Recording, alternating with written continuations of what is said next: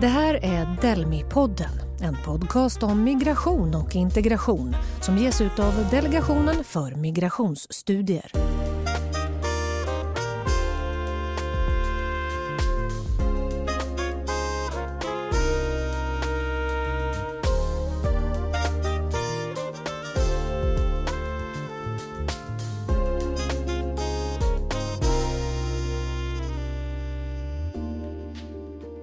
Hello and welcome to this podcast from Delmi, the Migration Studies Delegation in Sweden. In this episode, we will discuss return and reintegration of rejected asylum seekers from Afghanistan and Iraq, based on a new study and a project on this topic. The project is financed by the Asylum, Migration and Integration Fund and includes interviews with a hundred asylum seekers who has returned to their countries of origin. My name is Ann-Louise Rönstolek. I will talk to two of the researchers. Please introduce yourselves. My name is Constanza Vera Larrucea, and I'm a research coordinator at Delmi, and I was in charge of analyzing the data for this study. Welcome. And with us uh, on Zoom we have. Hello, thank you for having me. My name is Nassim Majidi. I am a scholar and uh, the co founder and director of Samuel Hall, a social enterprise dedicated to migra- migration research.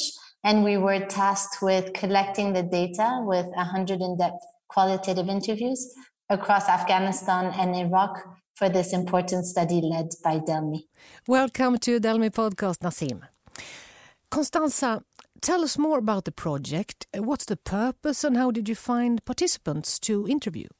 Well, this is a bottom up uh, approach to study return and reintegration, and we are trying to focus on the experiences of rejected asylum seekers returning from Sweden to Afghanistan and Iraq. And we have mainly two aims. The first one is to fill knowledge gaps on return and reintegration of this very group, rejected asylum seekers and then to contribute towards a well functioning return procedure grounded in sustainability and humanity. And for us, it was very difficult to take ourselves to the region to uh, conduct the interviews by ourselves. Why was that hard for you? Well, not only because of the security issues and the logistic um, mm. implications of it, but also because we are not local researchers, so we didn't have the knowledge, we didn't manage the language, and we thought that we will never generate trust among the respondents. And that's how we turned to a procurement procedure and we found uh, Samuel Hall mm. and we realized I had plenty of experience within it and also that Nassim has been doing research mm. in the field. So we thought it was the right actor to collect data for us. Nassim, what about the transit, the journey? Explain how, how does that work? The report, I think, states it very well that there we need to have a whole of migration perspective when we when we talk about return and when we think about what happens post return. Um, because very often the reasons for the migration are as important as the experience of migration throughout. And here you ask me about transit, and that concept is interesting because for some transit will be a two week um, journey to get to their destinations for others, it takes two years. So the whole experience of, of transit across across time really varies for different people. And the experiences of transit we saw are also different for Afghans and Iraqis, so we can't generalize it. Mm. So, for example, um, Iraqi respondents that we interviewed often traveled as family units, were older, they were more established socioeconomically, so their experience of, of the transit transit also differed. But if I think about the commonalities and the transit and the journey, then I definitely first think about how traumatic it can be. Um, there are incidents of shooting at the border, for example, between Iran and Turkey that our Afghan respondents talk about, hmm. uh, but also police harassment in various countries. Um, Iraqi respondents also uh, and Afghans also reported instances of family separation in transit which includes, for example, children being separated from their families. Mm. Uh, and of course, there are also, I think, what, what a European audience is more aware of these days is the challenges around boat crossing and descriptions of overloaded boats hitting rocks, people dying in front of their eyes. Mm. So when we talk about the journey, there's the time dimension, the risks, as I just mentioned. Um, but also, um, interestingly, the journey continues after return in a way because even after return, when we met returnees in Iraq and Afghanistan, they were still trying to make a sense of their migration journey. And there was still a lot of lack of understanding of what really happened to them uh, that still lingers on after return. Constanza, why, why do you think it's important to include the returnees' perspective? Because uh, we can see things that we cannot evaluate from a long distance, and we can also see the subjective part of return. There is uh, a lot of talk about uh, sustainable return and reintegration, but we we only know by approaching them. We only know how sustainable can return be, and these these returnees are uh, going back to two of the most difficult contexts in the world, not only because of the security and instability, but also because they lack the economic opportunities to be re-embedded into the the country where they are supposed to come from. Uh, and also because they sometimes they are minorities, as it was the case of the Hazaras, uh, which are overrepresented in our sample in Afghanistan, uh, Kurds, for example, in in Iraq. So there are lots of things that we cannot really measure from abroad, and we cannot measure if we don't turn to the people that are suffering and going through it. So if we consider sustainable as people staying in the country where they are sent to, we need to really understand how they uh, how they manage, how they thrive in their daily lives, and whether they they are trying to stay. Or in the case of our respondents, most of them hold the dream to remigrate, and some of them went to remigrate to Sweden. Mm. Nassim, how do you conduct research in conflict areas? So we're we've been working in Afghanistan and Iraq for the better part of, of ten years now, a decade, conducting research uh, in different um, conflict or fragile settings, mm-hmm. and we are very aware as researchers um, about um, ensuring that we have proper ethical standards, safeguarding procedures to protect ourselves as researchers, but also to protect obviously uh, participants and those who, who who accept to share their time um, and, and speak with us. But I think to answer your question, there are several myths around doing research in conflict areas. Um, one of them obviously is access, you know, how, how easily we can access populations that we need, we need to learn from. Um, and here our response has been to really localize research the way we hear of localizing aid since the Global Humanitarian Summit, we often talk about localizing research. So our whole model of research is built on working collaboratively um, with um, local researchers and being embedded um, in the context that we study. So we have an office in, in Kabul. We have networks throughout Afghanistan. Similarly, we have networks in, in Iraq. So we've really invested um, and built uh, systems to, to strengthen our access, to also train um, researchers. And that's what we do as, as a social enterprise. We mm-hmm. also invest in trainings of Afghan and Iraqi researchers. And I believe um, that we also need to be very aware that we need to challenge um, the experts and challenge um, those who who might not be in those contexts by really giving a voice to these national researchers. And I think another key um, recipe for success, I would say for us, is the principle of partnership. And this goes back again to the question of, um, of um, the importance of building trust uh, with um, the right partners to also gain the trust of respondents.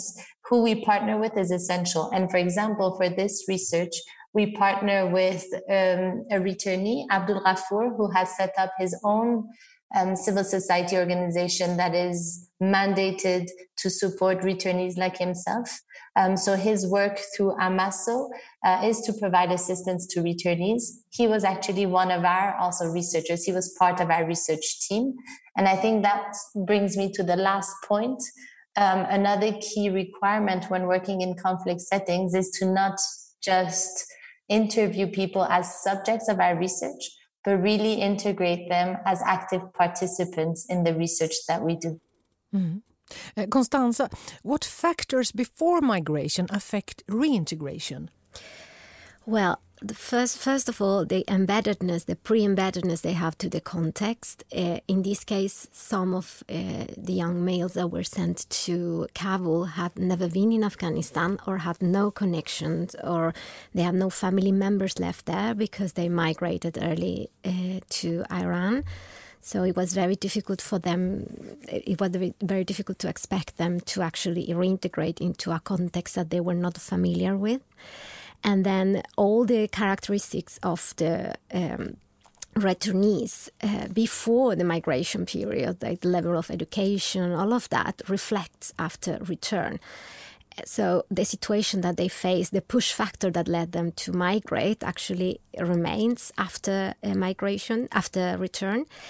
And then uh, during the, of course, during the trip towards Europe, they suffer through traumatic situations and and um, well, uh, Nassim mentioned some of them, and these situations are not overcome, so they they follow them uh, after the return. And then we have some issues happening in Sweden as well. The length of the process, uh, some sort of lost on translation with the authorities uh, lack of knowledge in the asylum process, uh, and all of that leads to frustration because many of them were in Sweden for about four years and they never received, uh, they didn't receive asylum, and many of them had no uh, idea of, of, the reasons behind this, and this. Um, impacts, of course, their their health, their mental situation, but also the the the willingness to to do something about it. Of course, because they are being unable to to work with uh, this uh, this process. Nassim what does life look like for those who return to Afghanistan and Iraq? The report states it very well. There's a general lack of positive impact from the migration experience um, on the lives of those who return to Afghanistan. First, there's not necessarily uh, a return home in the Afghan context, as half of the Afghan respondents had lived in Iran before their departure towards Sweden. So they don't actually know the context of return and they're shocked, scared, and often feel helpless. Mm. And across both countries, um, there's a social exclusion. They feel shame, guilt, and fear, um, a sense of failure that is very pronounced. And this failure is both self perceived, but also it's the perception of their families who counted on them and on a different outcome of their migration um, than the than return. And lastly, I would say the economic situation for returnees is very bleak, to put it mildly. Mm. Uh, very few have been able to resume an economic activity and also because this research was led during the coronavirus pandemic so setting up a shop or a business during corona which is part of the programming that they're that they're um, investing themselves in after return is often close to impossible mm-hmm. uh, i want to ask you uh, Constanza, Nassim is talking about the stigma of returning. Yes, uh, well, this has been researched before, and the stigma of being a returnee when their communities believe that they must have done something wrong, something criminal to be sent back. It's either that or the fact that they think of them as foolish for returning uh, from a better life in Europe. Mm. Uh, what do policies and programs need to do to adapt the findings of this and other reports on return and reintegration, do you think? First, there's very lack of information throughout the migration process. In, in transit, for example, um, Afghans choosing their destination when they're in Germany to go to Sweden based on faulty information, but also on arrival. Um, they're not getting enough support from their consular offices. So there's definitely an emphasis there to put on consular assistance. Uh, they don't have information about the asylum process. More needs to be done to share information on that. And, and then there's the language barrier. Um, many of them complain about ina- inadequate legal assistance, uh, inadequate due process, often because interpreters were not translating their statements well enough or because they didn't have adequate legal representation. So there is definitely a need to work on information and legal assistance and language support for all migrants. And one final question, Constanza, what are the study's recommendations? What needs to be done to improve the process of uh, return and reintegration? Well, there are several things. I would like to emphasize that we recommend uh, tailor made programs to reintegrate based on the needs of the people returning. For example, in this case, people not returning home, they need extra support, and it's not enough with a normal reintegration grant. And we have some recommendation, as Nassim mentioned, towards the Swedish authorities to provide with better support and especially the role of the uh, legal uh, assistants and uh, interpreters. And then we also believe that the academic community, but also among politicians, we need to reformulate or at least open the debate regarding the terminology about reintegration and, and return, because not everybody sent to a certain country that recognize them as citizens are actually returning to their country of origin. And that leads to several challenges that needs to be um, needs to be taken care of. It was a pleasure talking to you both, Constanza Vera Larrucea and Nassim Majidi. The study and more information on the topic, topic of reintegration and rejected asylum seekers is available on the Delmi website, delmi.se. Thank you for listening.